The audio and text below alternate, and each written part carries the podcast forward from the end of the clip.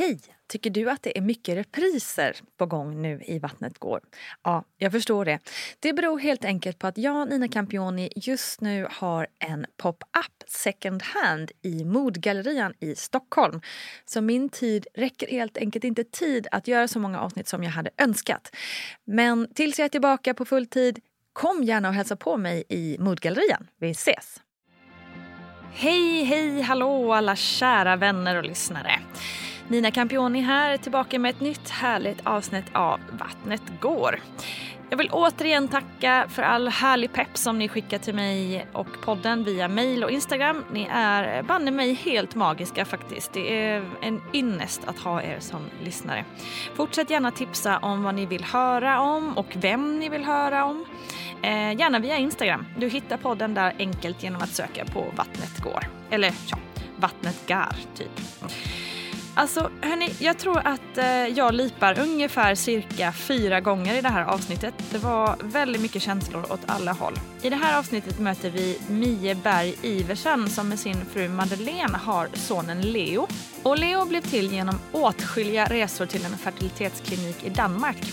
Och nu ska vi helt enkelt få hänga med på alla svängar i denna magiska berättelse.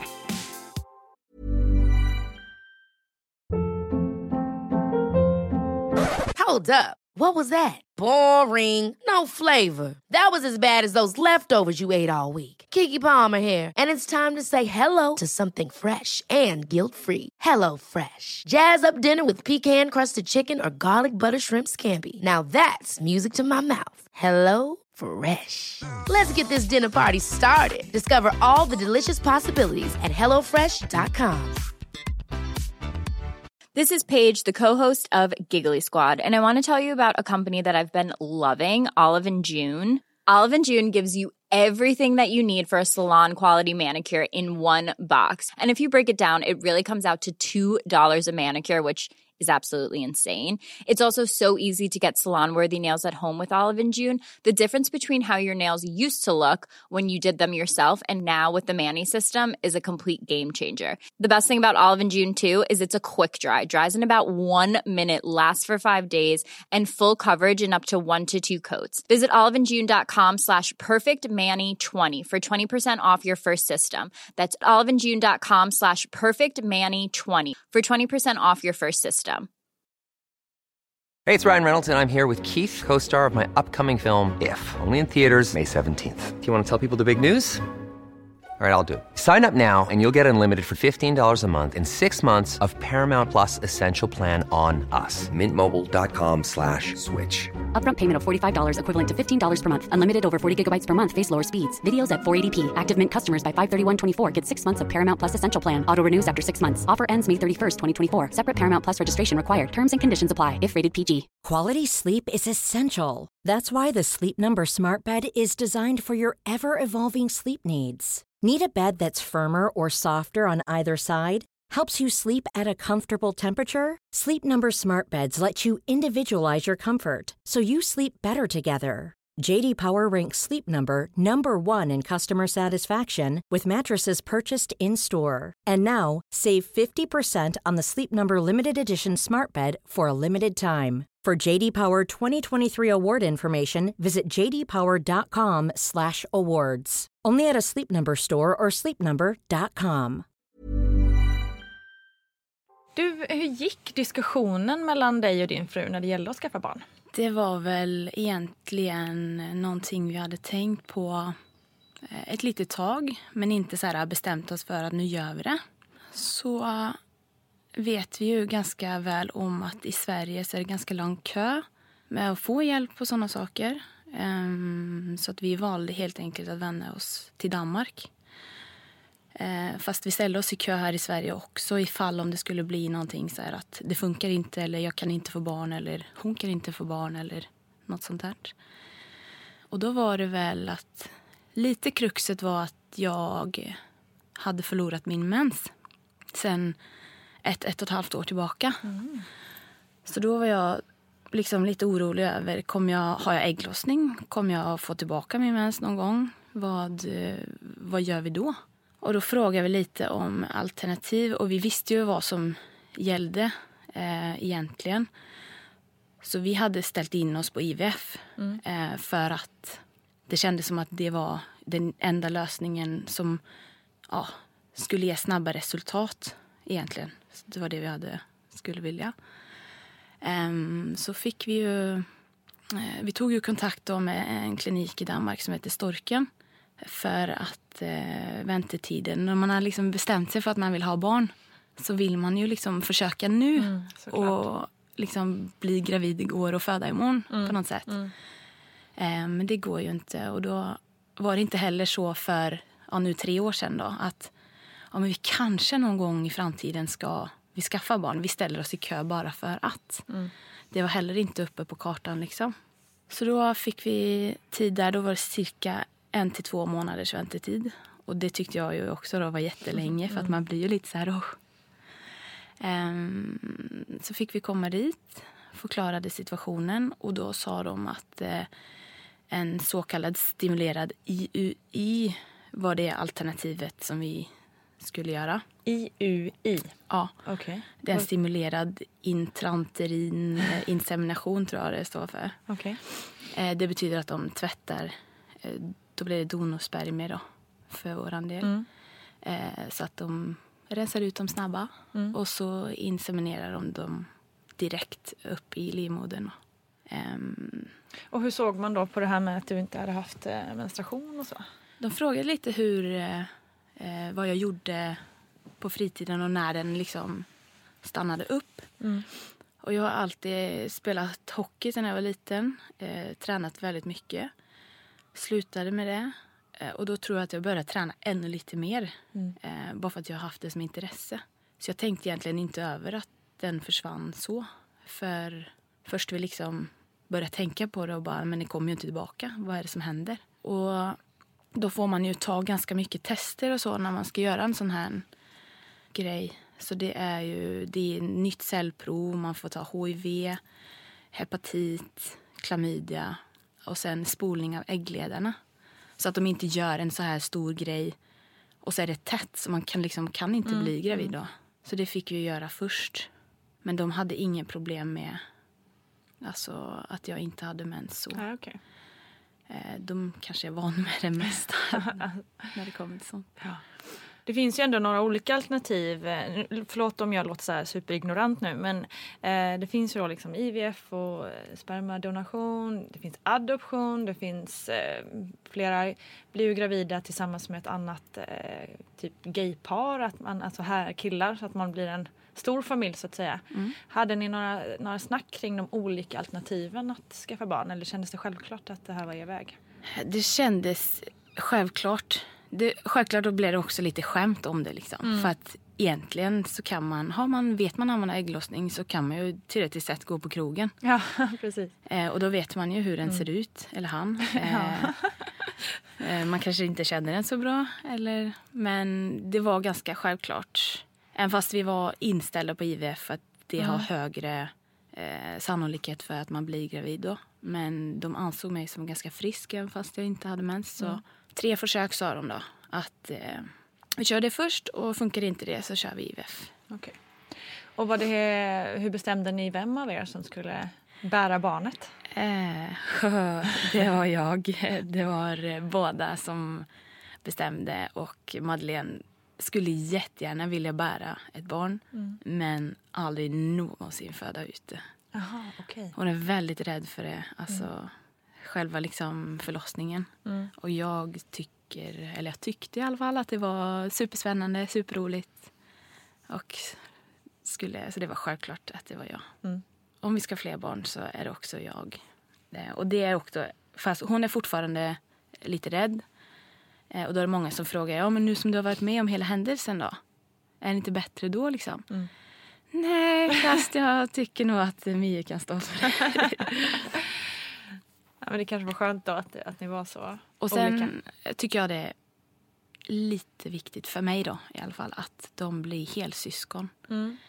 Det känner jag så att de har någonting gemensamt som de kan relatera till i framtiden då. Men då går vi tillbaka igen då till Danmark. Ja. Eh, och vad händer då? Du har ju gått igenom eh, undersökningen. Allting såg bra ut. Vad hände sen? Eh, man får ju välja om man på det första mötet om man vill ta det via telefon eller Skype. Om man inte, för det är väldigt många som hänvisas dit eh, från andra länder också. Mm. Jag är faktiskt väldigt förvånad över vilka personer vi såg när vi var där. För det var 100% bara svenska heterosexuella par som vi träffade på där nere. Och då kan jag tänka mig att de vill väl heller inte stå så där länge i kö som man måste göra om man har problem, om man är normal i situationstecken och har kvinna och tjej då. Eller kvinna och man, förlåt. Ehm, och då frågar de lite vad vi gör, hur länge vi har varit tillsammans, eh, hur vår familj ser på vår relation och det här med att skaffa barn, hur de ser på det och om vi har eh, omgivningen liksom för ett barn som ska komma skall. Ehm, så väljer man eh, donator.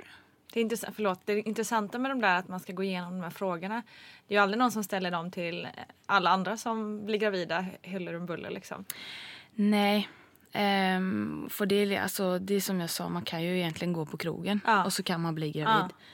Så att, men vi, vi, vi stöter ju på lite sådär, inte varje dag kan man inte säga, men lite hipp som happ. Eh, att folk frågar, det tycker jag är helt okej för det förstår jag att man har. Och det har jag själv ibland också. Eh, men det blir ju lite så att varför ska det vara så svårt för oss Precis. när det är så enkelt för andra? Ja, verkligen. Eh, Så då fick vi val av donator. Mm. Och då frågar de först om vi har tänkt liksom, om vi vill ha öppen donator eller eh, dold eller stängd donator. Då. Och vi blev lite så här påkastade frågan för att det hade ju inte vi diskuterat. För jag trodde inte att man kunde välja det. Nej. Men då satte vi liksom för och nackdelar mot eh, varandra när vi satt där tillsammans med hon, hon tjejen som jag hade möte med. Och kom fram till att vi ville ha dold donator. Och det betyder då att man inte är kontaktbar när Leo då skulle bli 18. Just det. Och då är det no- många som frågar varför. Varför det? Varför ska inte han få liksom välja vad han vill när han blir 18? Och det kan man ju tänka. Ehm, men samtidigt så fick jag en känsla när jag satt där att den här donatorn har gett bort sina spermier idag. Eller igår eller. Och jag vet inte hur han känner om 18 år om det han har gjort. Och sen skulle då Leo plinga på den här dörren och så är det ett slag i ansikte. Alltså han stänger dörren och jag vill inte ha någonting med det att göra. Då kände jag att om vi som familj då kan bygga en stabil plattform och vara trygga i oss så kändes det bättre då helt enkelt. Ett svårt val. Faktiskt. Ja. För man kan ju ställas mot väggen när han blir äldre och bara varför? Varför ska inte jag få ta reda på vart jag kommer ifrån? Men det är ju svårt att förutse vad som ska hända så att vi får helt enkelt ta det som det kommer då. Inte för att det har, har kanske eh, allt med ert val att göra men är det skillnad i, i kostnad också om man har en öppen eh, eller stängd? Vet du det? Ja, det är det. Eh, precis hur mycket det är, det är jag lite osäker på. Men ju mer du betalar, ju mer får du veta. Just det. Eh, och nu är det så att om du går via eh, European Sperma Bank, heter det tror jag, så är det lite som att handla på Ica. Ja. Eh, så att man eh, plockar det man vill utav en donator. Allt från ja, hur han ser ut, hur han ska gå ut som liten, intressen eh, och sådana saker. Det är så fascinerande då Ja. att man kan göra så. Men ehm, då går det inte de igenom de testerna som storken har. Så vi valde att eh, vi litar på dem helt enkelt. Och då får man tre val som man kan göra. Man får längd, eh, ögonfärg och hårfärg. Det är det enda man vet när man tar en dold. Eh, Ja. ja. Så vi valde då en mörkhårig, för Madeleine är mörkhårig. En 84 för att kompensera lite hennes höjd, för hon är inte en 84. och sen eh, blå gröna ögon valde vi. Och de, de är väldigt klara med att det kan vara så att inte vi kan uppfylla alla dessa krav. Så det vet man ju. Sen när det väl var dags så frågade jag liksom, får man veta vad, vad det blev eller vad vi fick liksom av våra val. Och då fick vi, han var runt 1,84, eh, blågröna ögon och sen var han blond. Jaha. Så Leo är nu väldigt blond. väldigt söt. Gud vad, ja, det är så coolt. Eh, och sen har ni då valt det då, eh, gjort era val. Mm. Vad hände sen? Då fick jag, eftersom att jag inte hade haft mens, fick jag börja på p-piller. Så att de liksom skulle framstimulera en menstruation. Eh, och de gick jag på då nästan en månad. Slutade på dem och då kom det så lite blod som man kan tänka sig i världen. Men ändå så klassas det som en mens tydligen. Och då går det, ska det gå tre dagar från man får det här. Då måste man göra en eh, vaginal, eh, ett vaginalt ultraljud. Då kollar man storleken på follikerna eller äggblåsorna och ser liksom att de finns. Och sen fick jag ta några hormonpiller som hette Pergotime. Då kommer jag inte ihåg om det var tre eller fem dagar. Men på dem så hände det absolut ingenting. För det är ju meningen att de här äggblåsorna ska växa så att de är mottagliga för spermierna sen. Så då beslutade de i Danmark för att eh, jag skulle ta någonting som heter Gonal F. Det är hormonsprutor eh, för att de då skulle växa. Så de fick jag sätta i magen samma tidpunkt varje dag. Och under veckan så fick man ta... Alltså de veckorna det höll på så fick man ju kolla då vaginalt ultraljud två till tre gånger Oj. för att kolla storleken på dem. Åkte ni fram och tillbaka till Danmark då tiden eller var ni där? eller? Nej, då hade vi faktiskt hittat en superbra eh, gynekolog här i Stockholm som Ah. hade väldigt flexibla tider. Okej. Så jag liksom, vi sprang på lunchen eh, och sprang tillbaka på jobbet. För det var ingen som visste om det här heller. Så det var väldigt så här, ja, en kabal som fick ge, gå upp. Och det gick väldigt, väldigt sakta med de sprutorna också. Så jag fick fortsätta med de sprutorna nästan tre veckor. Och då fick vi besked om att på den sista kontrollen att det jag tror det var en tisdag eller onsdag. Att ja men ni kollar på lördag måste ni ta ett ultraljud. Eh, och sen nu tror vi det snart är dags. För då är det med rätt storlek. De ska vara minst 17 millimeter stora.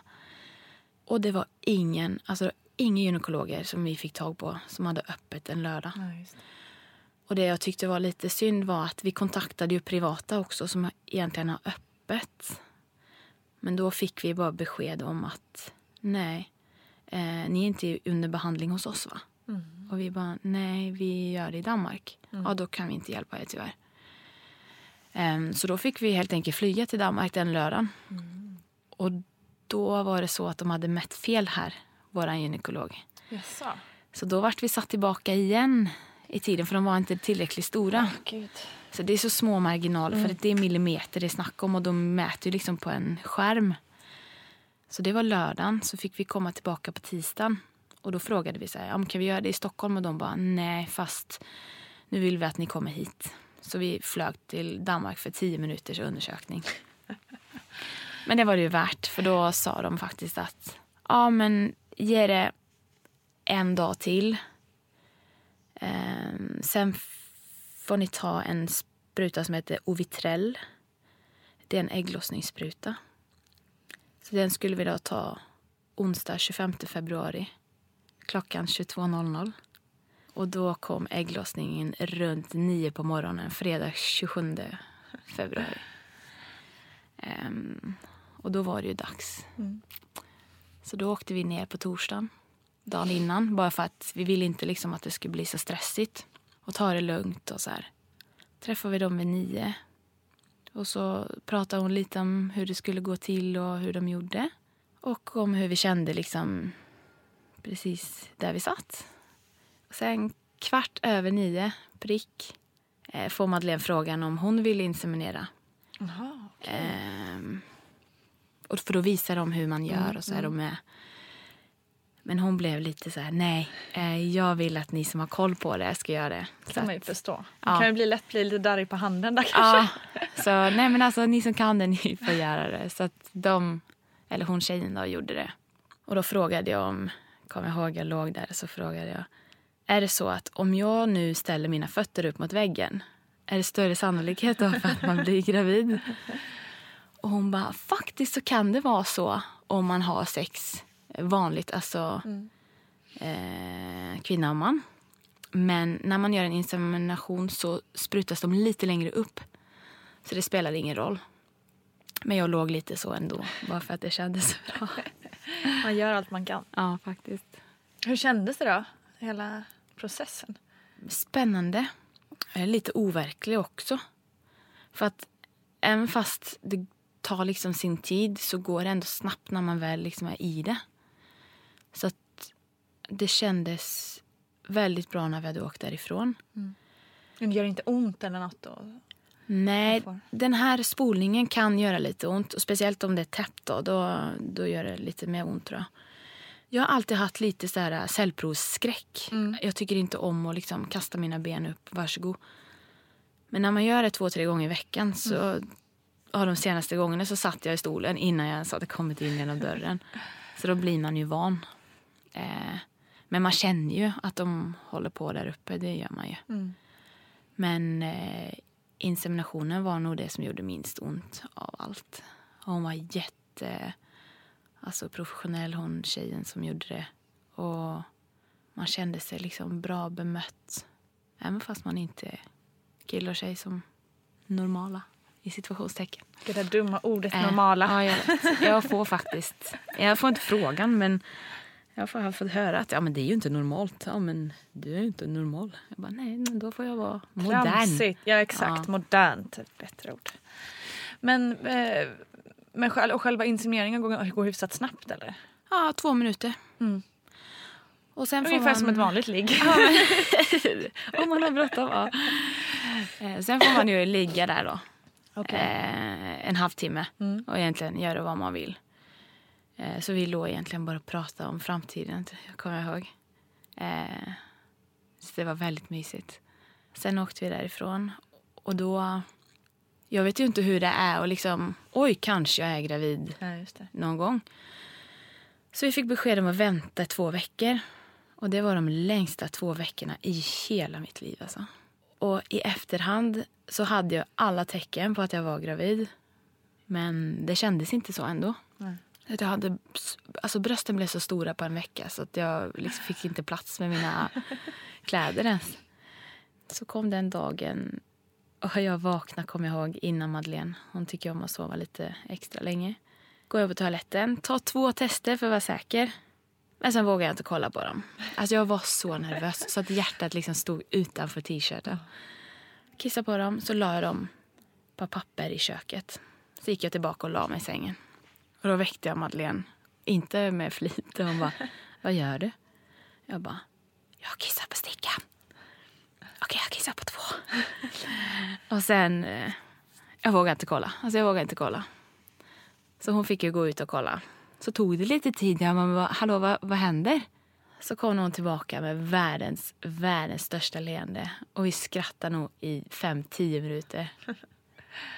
Och var ganska så happy för att det var positivt. Jag trodde inte att det skulle gå på första försöket överhuvudtaget. Det är helt fantastiskt. Ja.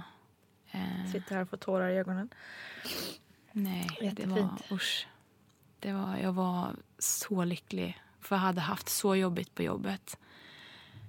Och Madeleine har sagt i efterhand att hon var så rädd för hur långt ner i källaren hon skulle hämta mig om det visade att det inte skulle gå.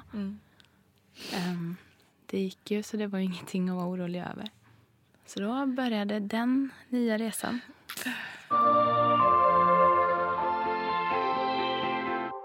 Sen tror jag att min kropp fick någon så här reaktion på alla hormoner jag hade stoppat i mig. Och gravidhormoner på det. Så att jag blev fruktansvärt deprimerad. Nu har jag inte pratat med någon om det här sen efteråt. Så att jag kände, ibland kände jag att nej men, alltså jag, jag orkar inte med det här. Jag vill, jag, jag, jag vill inte leva längre. Det var som att det var någon annan som tog över min kropp. Och sen blev det så här, men Mie, så, så kan du inte tänka. Nej, men fast ja, men jag, jag bara föder ut det här barnet så kan de vara tillsammans. Och så höll det på i ja, nästan tre månader. Jobbigt. till och från. Eh, Men sen försvann det. Över natten. Hur kändes det då att vakna upp och slippa de tankarna så att säga? Det var så himla underbart. Och det var först då jag vågade berätta för min barnmorska. För att jag undrade om jag var onormal. Ehm, så jag frågade så här, jag måste bara fråga. För att de här tankarna jag har haft nu ett tag. Och jag undrar, är det bara jag som har det så? Är det vanligt? Och jag såg att hon blev lite så här bekymrad. Ehm, och frågade varför jag inte hade sagt någonting. Och jag vågade helt enkelt inte. Jag, jag, jag kan inte säga att jag skämdes, men jag ville helt enkelt inte visa att, var, att jag hade det som jag hade det. Eh, och då sa hon kanske att ja, men om du har haft det så i början så måste du vara medveten om att det kan komma tillbaka när du har, väl har fötts. Ehm, och då kan det vara så att man kan fråga om man kan vara en extra dag på BB. Då. Och sen inget mer med det. Jag mådde hur bra som helst resterande. Jag kunde träna, jag, kunde, jag sprang fram till vecka 22 ungefär. Jag tränade alltså, samma dag som han kom ungefär, nästan. Och jag kände bara en oerhörd tacksamhet. Det var inga plågor någonstans. Och jag tog inget för givet. Och det var så underbart. Så att om jag skulle få släppa de tre första månaderna så skulle jag kunna gå gravid varje dag året om, tror jag. Och det var inte jobbigt mot slutet heller. Det blev, jag tyckte bara det var bättre och bättre. Gud vad härligt. Så att, Ja, fy, jag förstår det där. Det måste vara så himla tufft. Men jag har ju hört flera som, som har fått väldigt tuffa depressioner som gravid. gravid för man, antingen liksom att man inte tål det där jättehormonpåslaget. Som säger. Amanda, berätt, Amanda Schulman som ni kan lyssna på ett annat program eh, berättade väldigt mycket om, om just eh, depression under graviditeten. det är hemskt alltså. Det är som att man inte... Det är ju inte någonting man vill. Men sen är det ju inget man inte kan styra heller. Nej. Och oftast så, så, som du säger, man tror att det är något fel på en och man kanske inte vill säga det för det är lite så här, men nu ska jag egentligen vara jättelycklig och tacksam och alltihop och så känner jag så här och så ja, känns det jättejobbigt att, att prata om det liksom. faktiskt. Men jag tänker i, i och med det här insemination och sådär, gjorde ni, för visst måste man eh, göra lite fler ultraljud och sånt än vad Ja, som är vanligt kanske det i Sverige? man. Eftersom att jag är så pass ung. Är man lite äldre så vill de ha fler eh, äggblåsor. För då Måste jag också fråga hur gammal du är? Eh, Nu måste jag tänka. Är 29. 29? Ja. Jag var väl 27 när vi började och 28 när liksom det väl hände. Eftersom att jag är så pass ung och så pass frisk så vill de då ha att man har två ägg som är i rätt storlek. Är det tre, fyra, fem så, så gör de, då, stann, alltså då stänger de av. Då, nej, då kan vi inte göra det för att det är för riskabelt med eh, trillingar till exempel. Ja, ja, ja.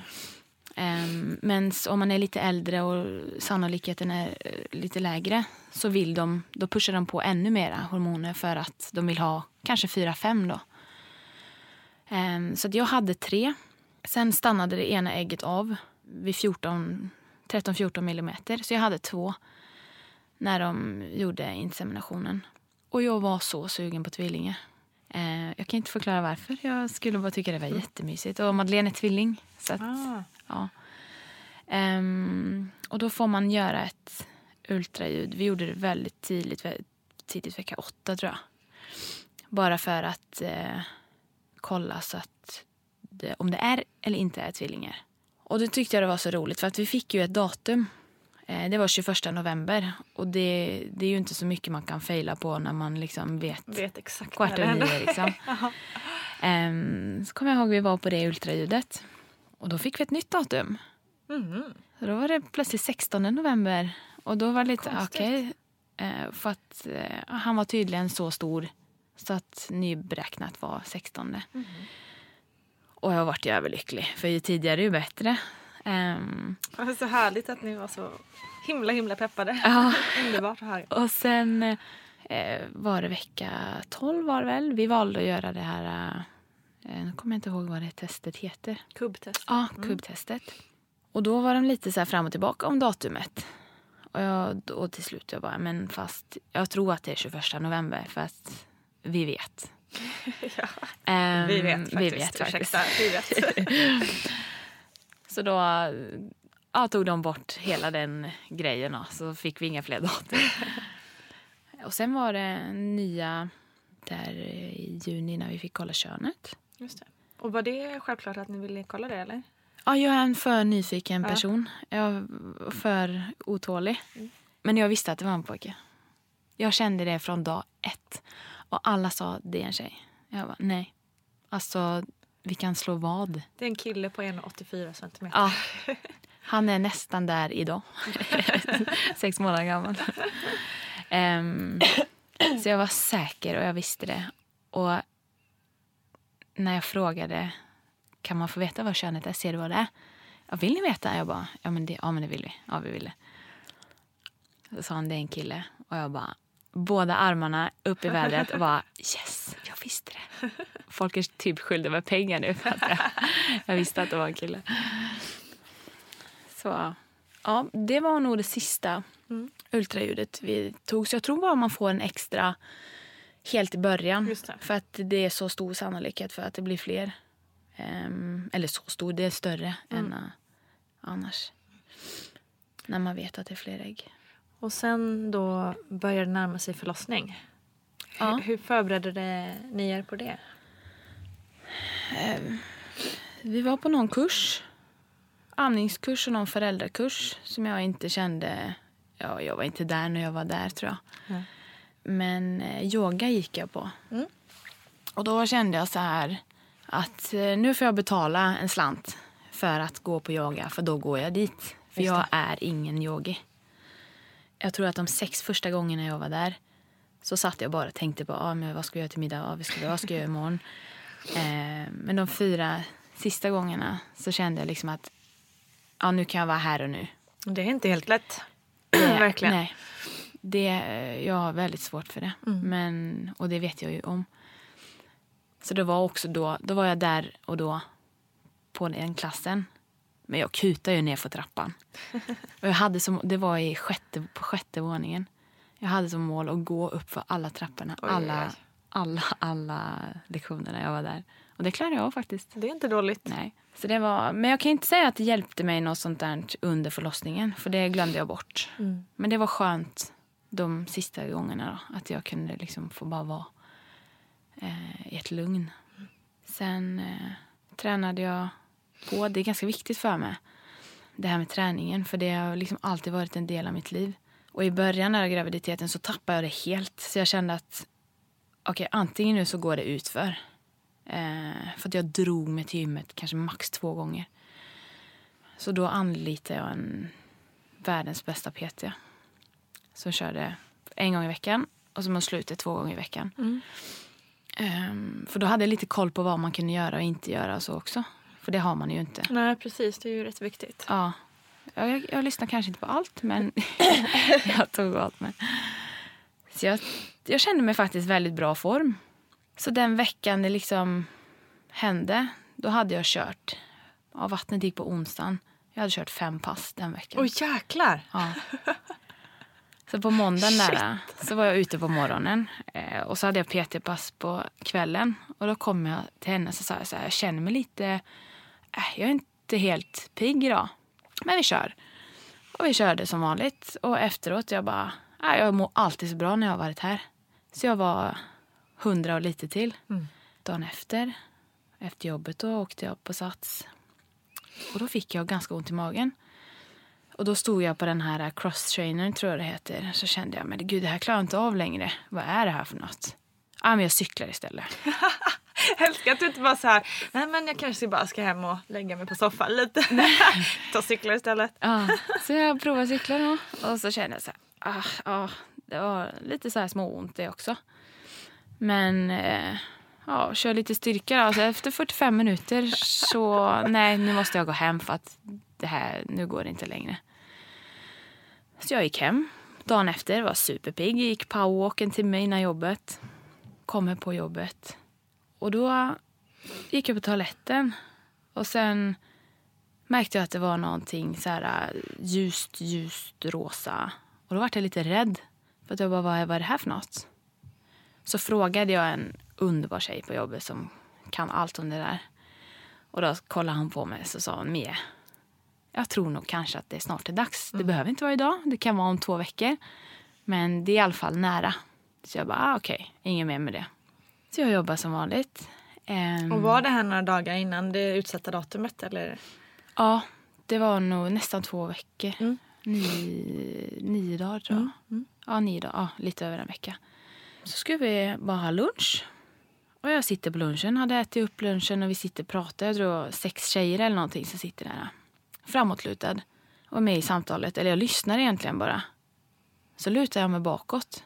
Så känner jag så här, okej okay, nu var det någonting som kom i mina byxor. men så bara, nej men inga mer med det. Så lutar jag mig framåt igen. Och då kom det ju ännu mer. Så att jag bara reste mig så här försiktigt så smög jag in på toaletten och det bara droppar ur. Jag bara, men vad är det här för, alltså, vad är det här för något?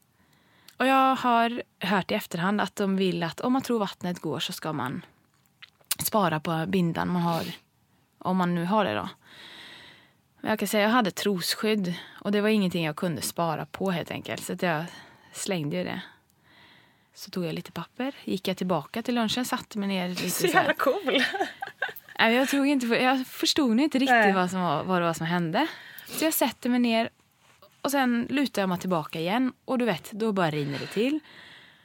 Och då reser jag mig upp och så säger jag utan att säga det till någon, jag bara, men vad är det som händer? Det rinner ur mig. Ja. Och då var det helt tyst runt bordet och bara, men Mia, kanske vattnet som går? Jag bara, nej, inte nu. Det är inte dags än. Jag hade ju liksom, 4 december hade ja. jag sett för mig för att jag var inställd på två veckor över. Just det. Så jag får gå tillbaka på toaletten. Och det var ingen som hade liksom kunnat hjälpa till med så här damgrejer. Så att jag fick ju ta hela pappersboxen. och sen gick jag väl tillbaka på jobbet, alltså på min plats. Och fortsatte jobba. Min kollega, vi måste passa telefon så att vi kan liksom inte gå som vi vill. Ah. Och då kommer jag tillbaka och min kollega säger bara, ja ah, men jag måste bara en säng ner på lagret. Jag bara, ja ah, ah, bara gå du. Jag står här ja. Så jag stod där lite och då började de som hade liksom ätit lunch bara, ja men Mia ska du inte liksom ringa in? Jag bara, ah, måste vänta tills han kommer tillbaka så att jag kan göra det. Så jag ringde in och de sa liksom, ah, du kan, vi måste kolla om det är det. För min första fråga var, hur vet man att det är vattnet och inte att man har kissat på sig? Det kan man se på färg och lukt då. Men jag har ju ingen koll på det. Så att jag ringde in och de sa, ja men du får komma in så kollar vi. Och då kom jag ihåg att jag var tvungen att säga till att jag var, liksom, jag tror jag måste gå. Mm. Jag fick inte fram orden. Jag bara, äh, ja, fast jag tror, ja. Och så bara, jag tror vattnet har gått säger jag. Och då bara splash, ännu mer. Du Och jag står där och det rinner. Som tur hade jag svarta byxor. Eh, så jag tror nog att jag måste gå och kolla upp detta. Det blev ganska tydligt ja, att det kanske ändå var vatten. Ja, det var det. Så eh, folk frågade ju, ja men ska vi ringa Madeleine kommer hon hämta dig? Jag bara, nej men hon är på kurs i Skärholmen. Så jag har bilen, men jag åker dit och hämtar henne. Så jag sätter mig i bilen. Kör jag från norr om stan genom hela Stockholm till Skärholmen. Hon hoppar in i bilen eller frågar om ska jag köra eller? Jag bara, nej men det är lugnt. Jag gör det. Eh, men gärna lite eh, träningskläder kan jag hämta för att eh, bilsätet blir lite blött här. Så jag satte mig på lite t-shirts. Sen kör jag tillbaka till BB Stockholm. Får lite verka på vägen. Och du kör? Och jag kör bil. Herregud. Och jag vet inte vart det kom ifrån. Men ja, jag skulle tydligen köra. Kommer in där. Eh, och eh, var väldigt klart att vattnet hade gått. För det bara sipprar ut hela tiden. Mm. Och då fick jag starkare verkar medan jag låg eh, med så EKG eller vad det heter. Mm. Eller CTG. Eller, ja. Ja, just det. CTG. Ja, mm. CTG. Och då fick jag liksom verkarna så här, ja, men med fem, tio minuters mellanrum. Och då började jag skratta när de kom. För att det var lite så här, det här har jag inte varit med om förut. Så jag sa till Madeleine, äh, jag kommer skratta mig igenom de här verkarna här känner jag. Men inte. inte hela tiden. Nej. Jag tänkte väl annars hade det varit lite för bra. Ja, för lite sant. för bra. Ja. Jag ville ju faktiskt ha min Hollywood-förlossning eller så här äh, actionfilm grej. Jag vill inte gå över och du vet sitta hemma och vänta. Så det var därför jag valde att jobba. Ja. Ehm, så det fick jag ju. Det var lite action. Verkligen. Sen, Kunde ju bli värsta biljakten höll jag på att säga. Ja, det var som tur var. Så blev det ju inte det. Ehm, och sen skulle, vart vi hemskickade. Och det ville jag också. För att jag vill inte ligga där. För det tar ju lite tid. De första brukar ta lite längre tid. Och då fick faktiskt Madeleine köra hem. För då, då var det lite ondare än, än vanligt. Så kommer vi hem. Jag brer två knäckemackor. Och där började helvetet ut av en annan världen. Alltså, det gjorde så ont. Och jag hör liksom folk som, ja men jag andas genom smärtorna, du vet, andas, andas. Jag skrek allt vad jag hade. Alltså jag bara skrek och skrek. Och Madeleine undrar, alltså när, det är bara en tidsfråga innan någon, ringer polisen. Ja, just det. Och, men när det liksom var i mellanverkarna så var allt som vanligt. Ingenting. Och bara fortsatte på min eh, knäckemacka där. Madeleine färgade håret. Började färga håret. Hon bara, ja ah, men det är bra, du vet. Så bilderna från förlossningen är sjukt snygga på henne. Inte så mycket på mig. Och vid halv nio, för vattnet gick tio över ett. Halv nio på kvällen, då hade vi varit hemma sen halv fem tror jag. Då tog vi beslutet att ringa. För att, nej, jag klarar inte med en minut till alltså. Och jag ringde in, jag fick två verkar i telefon. Och hon tjejen som svarade, du vet, när jag fick en verk, hon bara, ja men ta det lugnt, jag är med dig. Vi väntar tills den här går över. Och jag bara, "Ah!" Och sen Gud. sa hon, ja jag tror nog kanske att ni ska få komma in. Ja, tack. Eh, och då vart jag väldigt... Nej, men är du säker? Det har de sagt i efterhand. Att jag hade sagt att ja, men är du säker på att jag inte tar någon annans plats? Åh men gud vad gulligt. Så att eh, de bara nej, nej, nej, men du kom in. Det är inte fullt så det, du får komma in. Och när vi kom in, det är nog den första gången i hela den här resan som någon trodde att Madeleine var min kompis. Jaså? Så jag står där, kommer in på BB Stockholm, står över en stol. Får en hand över min axel. Hur går det? Ska din kompis vara med in? Men. Och jag bara, det är min fru.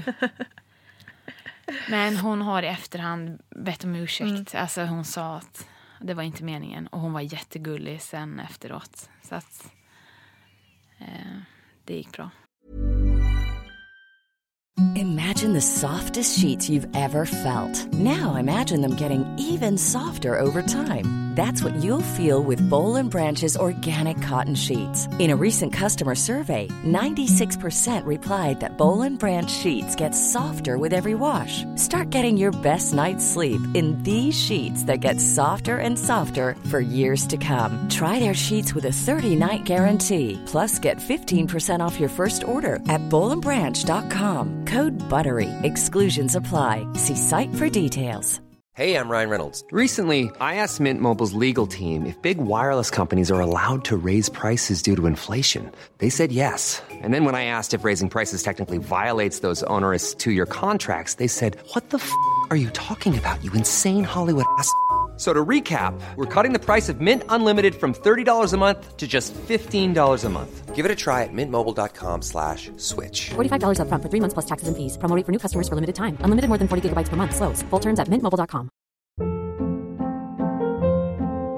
Hold up. What was that? Boring. No flavor. That was as bad as those leftovers you ate all week. Kiki Palmer here, and it's time to say hello to something fresh and guilt-free. Hello Fresh. Jazz up dinner with pecan-crusted chicken or garlic butter shrimp scampi. Now that's music to my mouth. Hello Fresh. Let's get this dinner party started. Discover all the delicious possibilities at hellofresh.com. Planning for your next trip? Elevate your travel style with Quince. Quince has all the jet setting essentials you'll want for your next getaway, like European linen, premium luggage options, buttery soft Italian leather bags, and so much more. And is all priced at 50 to 80% less than similar brands. Plus, Quince only works with factories that use safe and ethical manufacturing practices. Pack your bags with high-quality essentials you'll be wearing for vacations to come with Quince. Go to quince.com slash pack for free shipping and 365-day returns.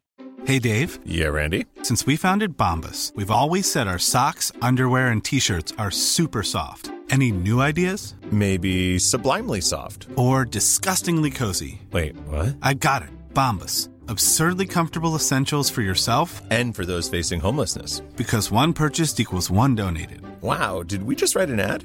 Yes. Bombas. Big comfort for everyone. Go to bombas.com slash ACAST and use code ACAST for 20% off your first purchase. Så jag hade kämpat där hemma tre centimeter. Så besviken. Ja, fy det där alltså. Usch, det är tufft. Ja, och jag bara... Äh, nu kommer de att skicka hem oss. Men jag hade så ont. Alltså, mm. Jag tror...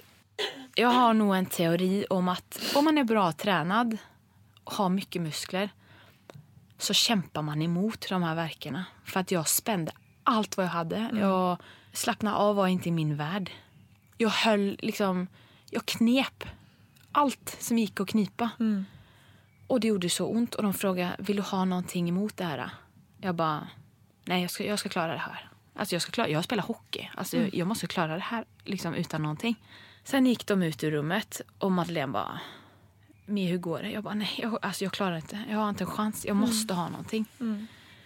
Men sen kom de in i rummet och då skulle jag vara någon hjälte tror jag. Jag bara, nej men jag klarar mig fint.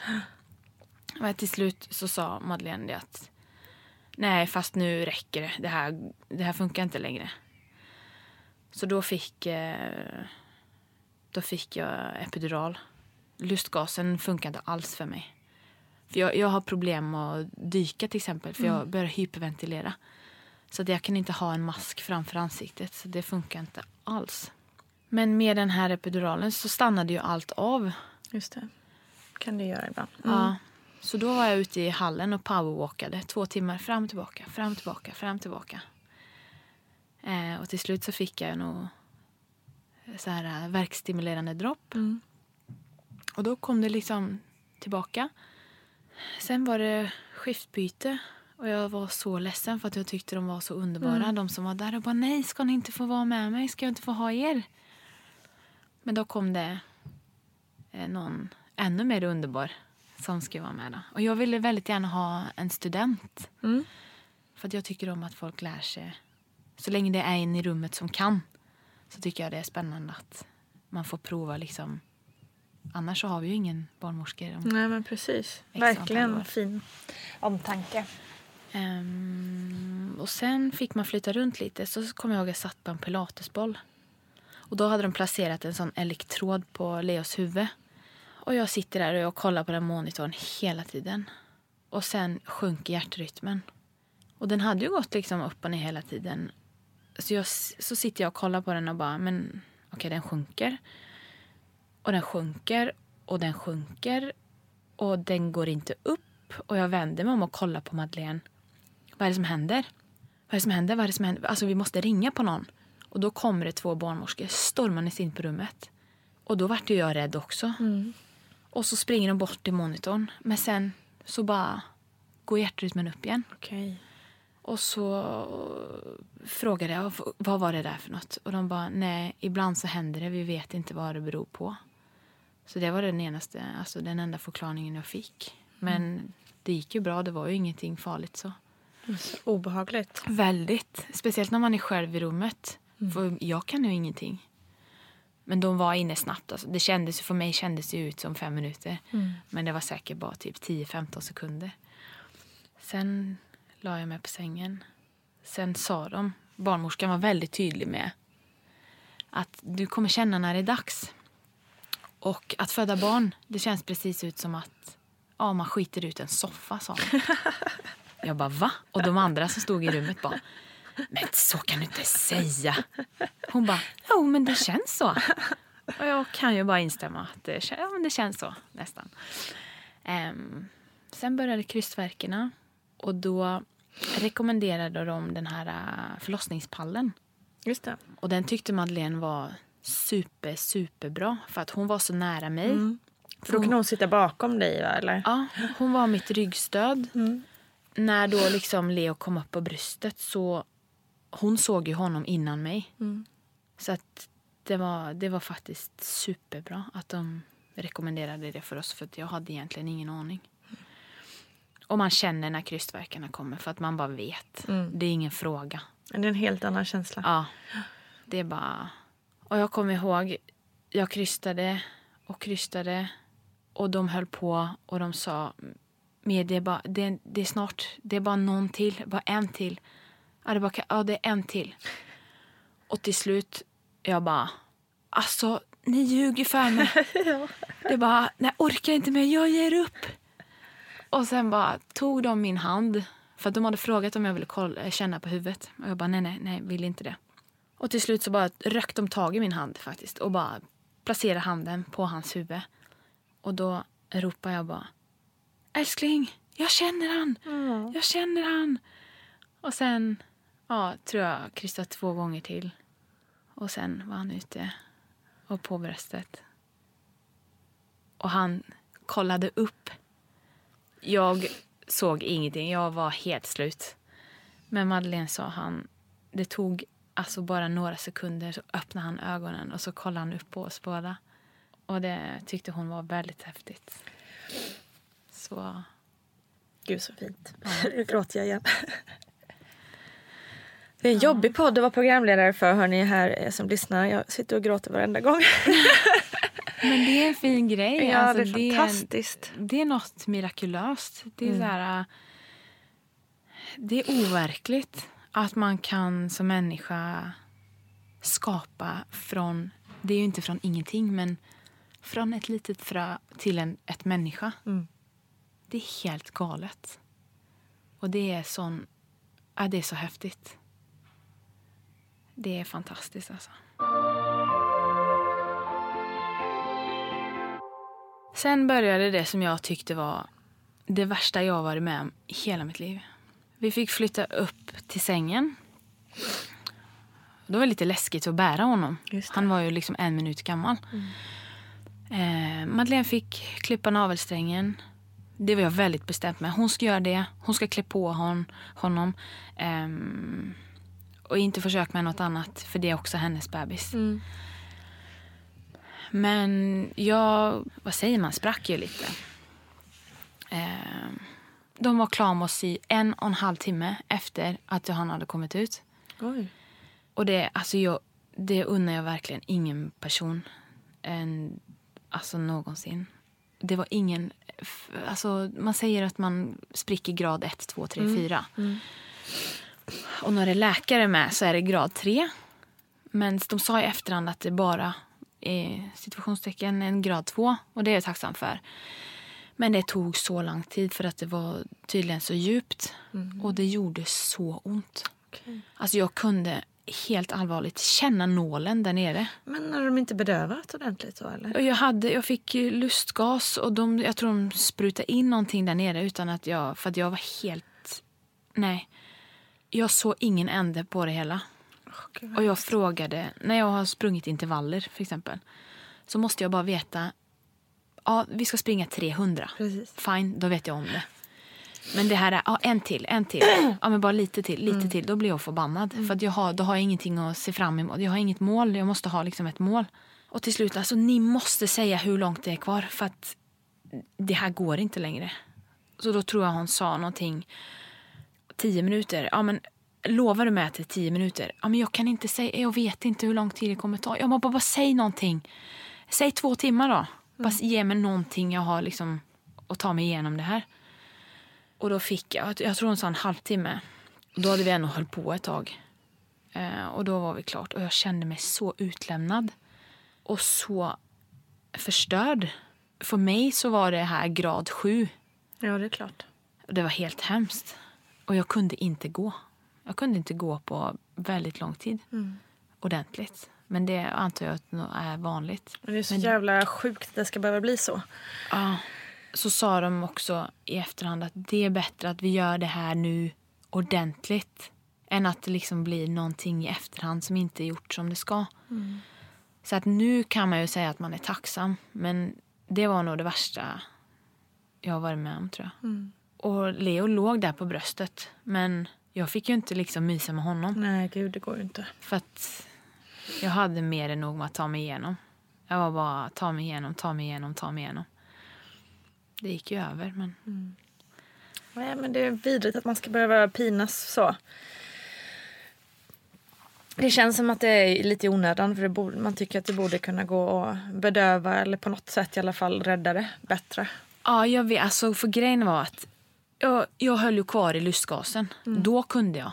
Då hyperventilerade jag inte Nej, alls. okej. Då kunde jag liksom ha fast den. Jag släppte den inte. Mm. Plus att de, jag vet inte vad de hade där nere, men det var Nej. någonting de tar direkt på. Eller spraytade in eller Mm. någonting. Men jag, alltså jag allvarligt Usch, kände hemskt. nålen. Så att Fy fan. jag, nej. Vidrigt ju. Ja, alltså föda ut han. Det brände, men jag tyckte inte det var, kunde jämföras. Så det var superkonstigt. Ja, och sen eh, hur, hur gick det sen med allt amning och komma in i rollen? Och... Komma in i rollen. det... Jag kommer ihåg, vi fick komma till vårt rum. Sen var vi ute i korridoren där alla liksom gick fram och tillbaka, de som hade fött. Med sina bebisar. Som sov. Men våra unge sov inte. Och har inte sovit sen dess. och det var... Grattis! Nej, men eh, nu börjar det bli lite bättre faktiskt. Så att eh, allt blir bättre till slut. Men det kände jag var lite frustrerande. För att vi fick ju ingen sömn. Jag sov inte på tre dagar. Gjorde inte en enda sekund. Och jag grät. Jag bara grät. Ehm, och då, jag mådde inget bra. Ehm, men jag hann inte riktigt reflektera över att ja, men jag har ju inte mått bra tidigare heller. Kanske det har någon samband. Mm, precis.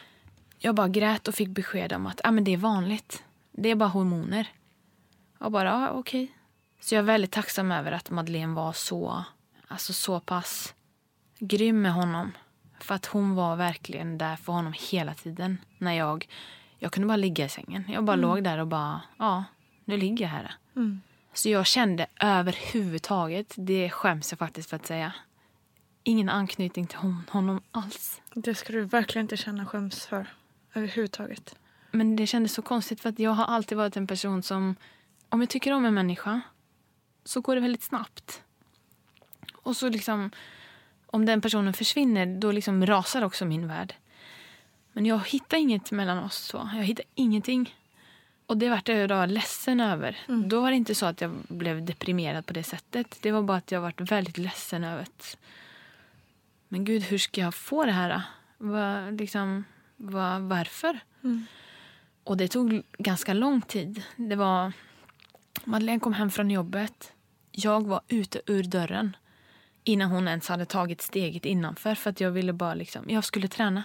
Jag hade bara i, i mitt huvud att jag skulle bli ja, men lika bra form som jag var innan. Jag kommer ihåg, det hade gått tre dagar efter förlossningen och jag hade dåligt samvete för att jag inte var på gymmet. Ehm, jag kommer ihåg, jag gick på gymmet efter sex dagar. Då var det en PT där som sa Men gud, är du tillbaka redan efter en vecka? Och jag bara, jag var väldigt snabb att säga Nej, sex dagar, det har inte gått en vecka. Så någonting var det ju som störde det, hela den processen. Och det tror jag var mitt fokus som jag egentligen inte visste om. För jag mådde ju bra under liksom gravid, slutet på graviditeten. Det var underbart. Älskade att gå gravid. Men ju längre tiden gick, och då pratar vi veckor, näst, alltså efter två månader kände jag, så vände jag mig om en dag till Madeleine och så sa jag, nu känner jag någonting. Nu älskar jag honom.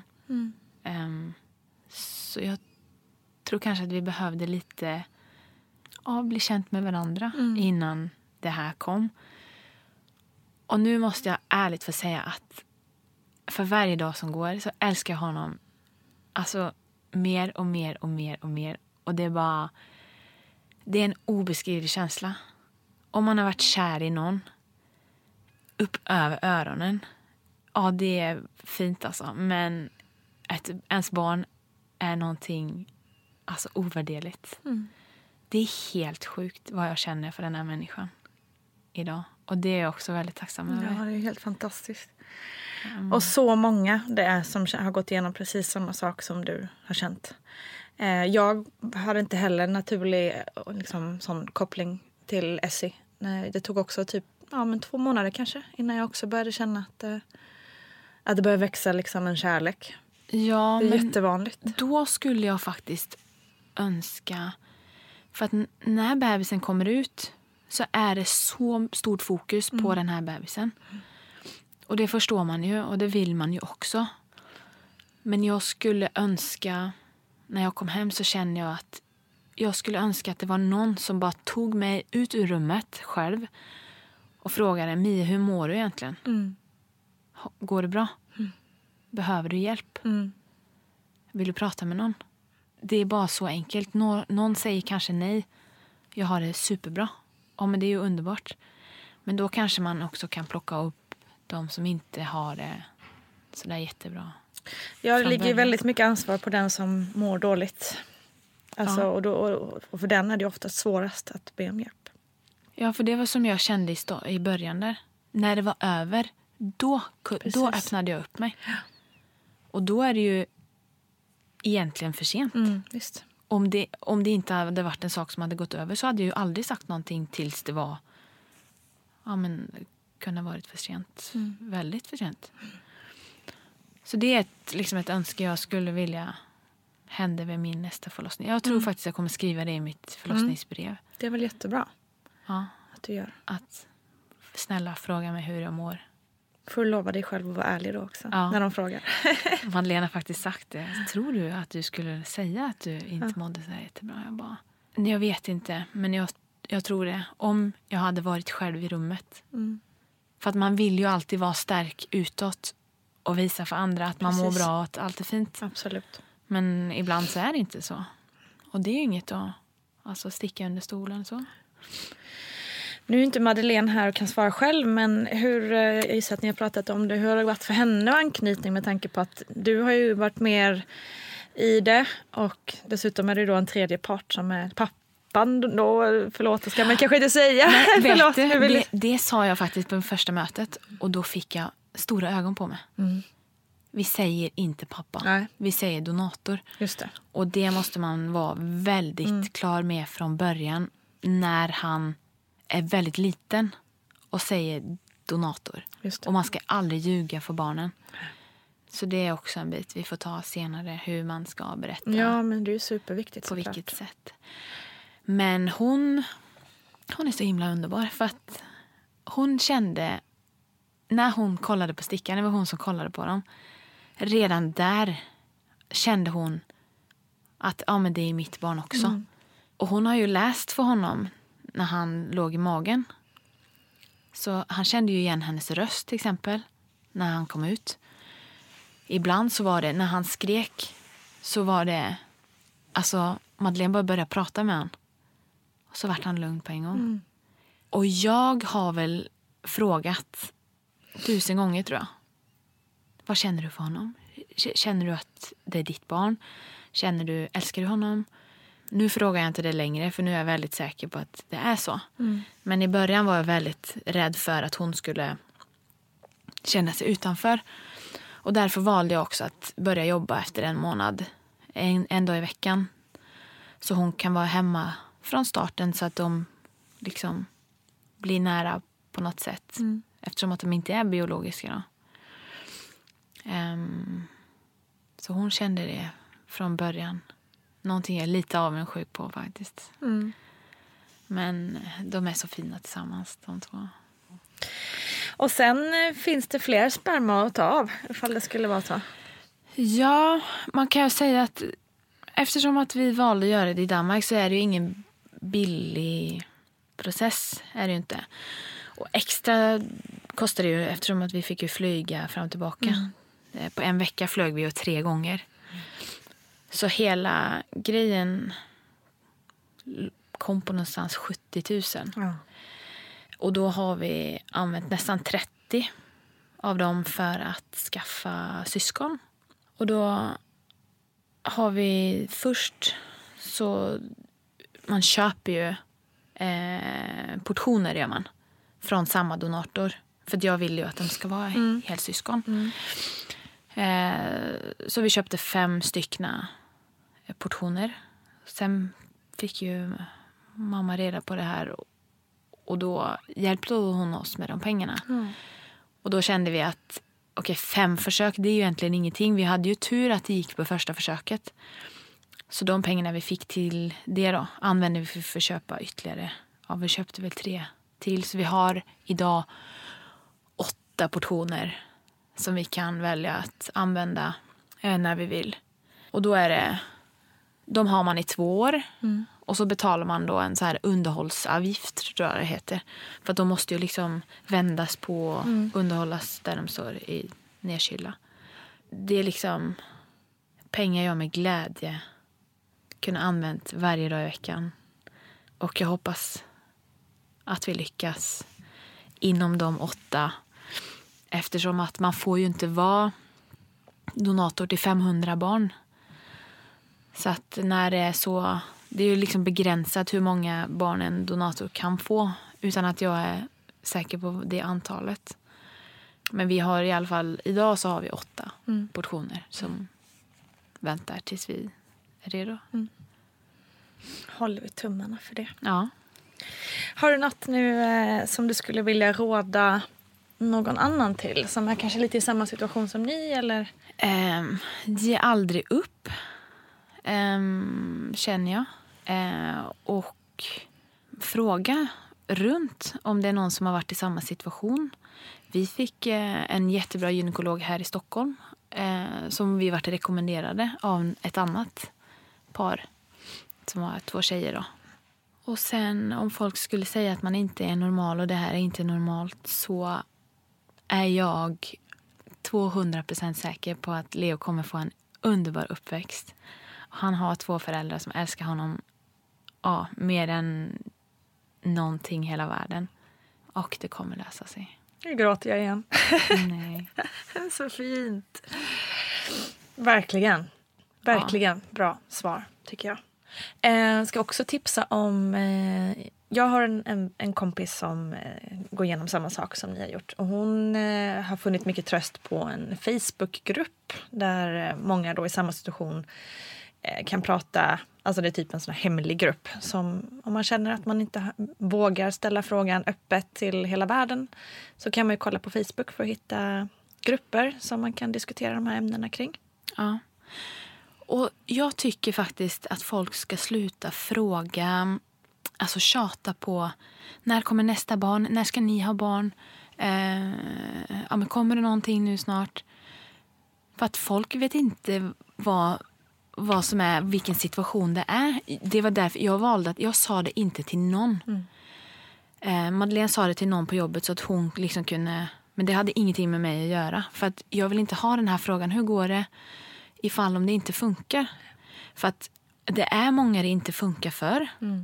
Och jag tycker det är väldigt synd att det ska ta så lång tid att få hjälp. Även fast man liksom är tjej och tjej, kille kille eller kille och tjej.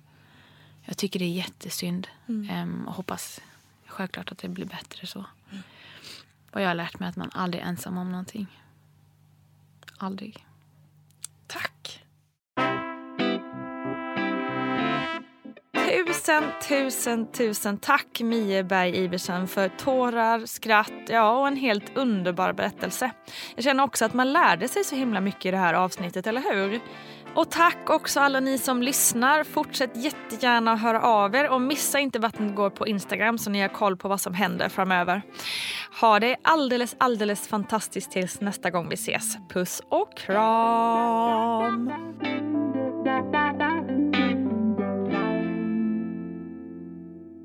Producerat av Perfect Day Media.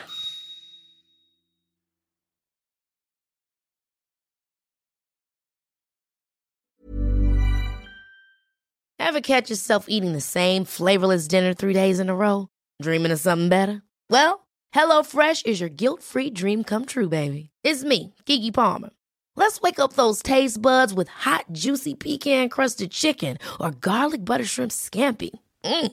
Hello Fresh. Stop dreaming of all the delicious possibilities and dig in at HelloFresh.com. Let's get this dinner party started.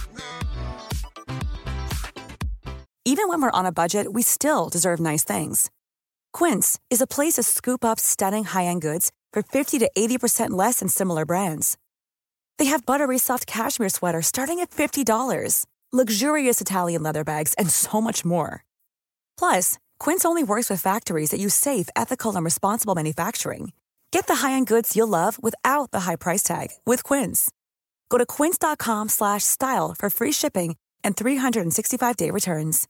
Imagine the softest sheets you've ever felt. Now imagine them getting even softer over time. That's what you'll feel with Bowl and Branch's organic cotton sheets. In a recent customer survey, 96% replied that Bowl and Branch sheets get softer with every wash. Start getting your best night's sleep in these sheets that get softer and softer for years to come. Try their sheets with a 30-night guarantee. Plus, get 15% off your first order at bowlandbranch.com. Code BUTTERY. Exclusions apply. See site for details.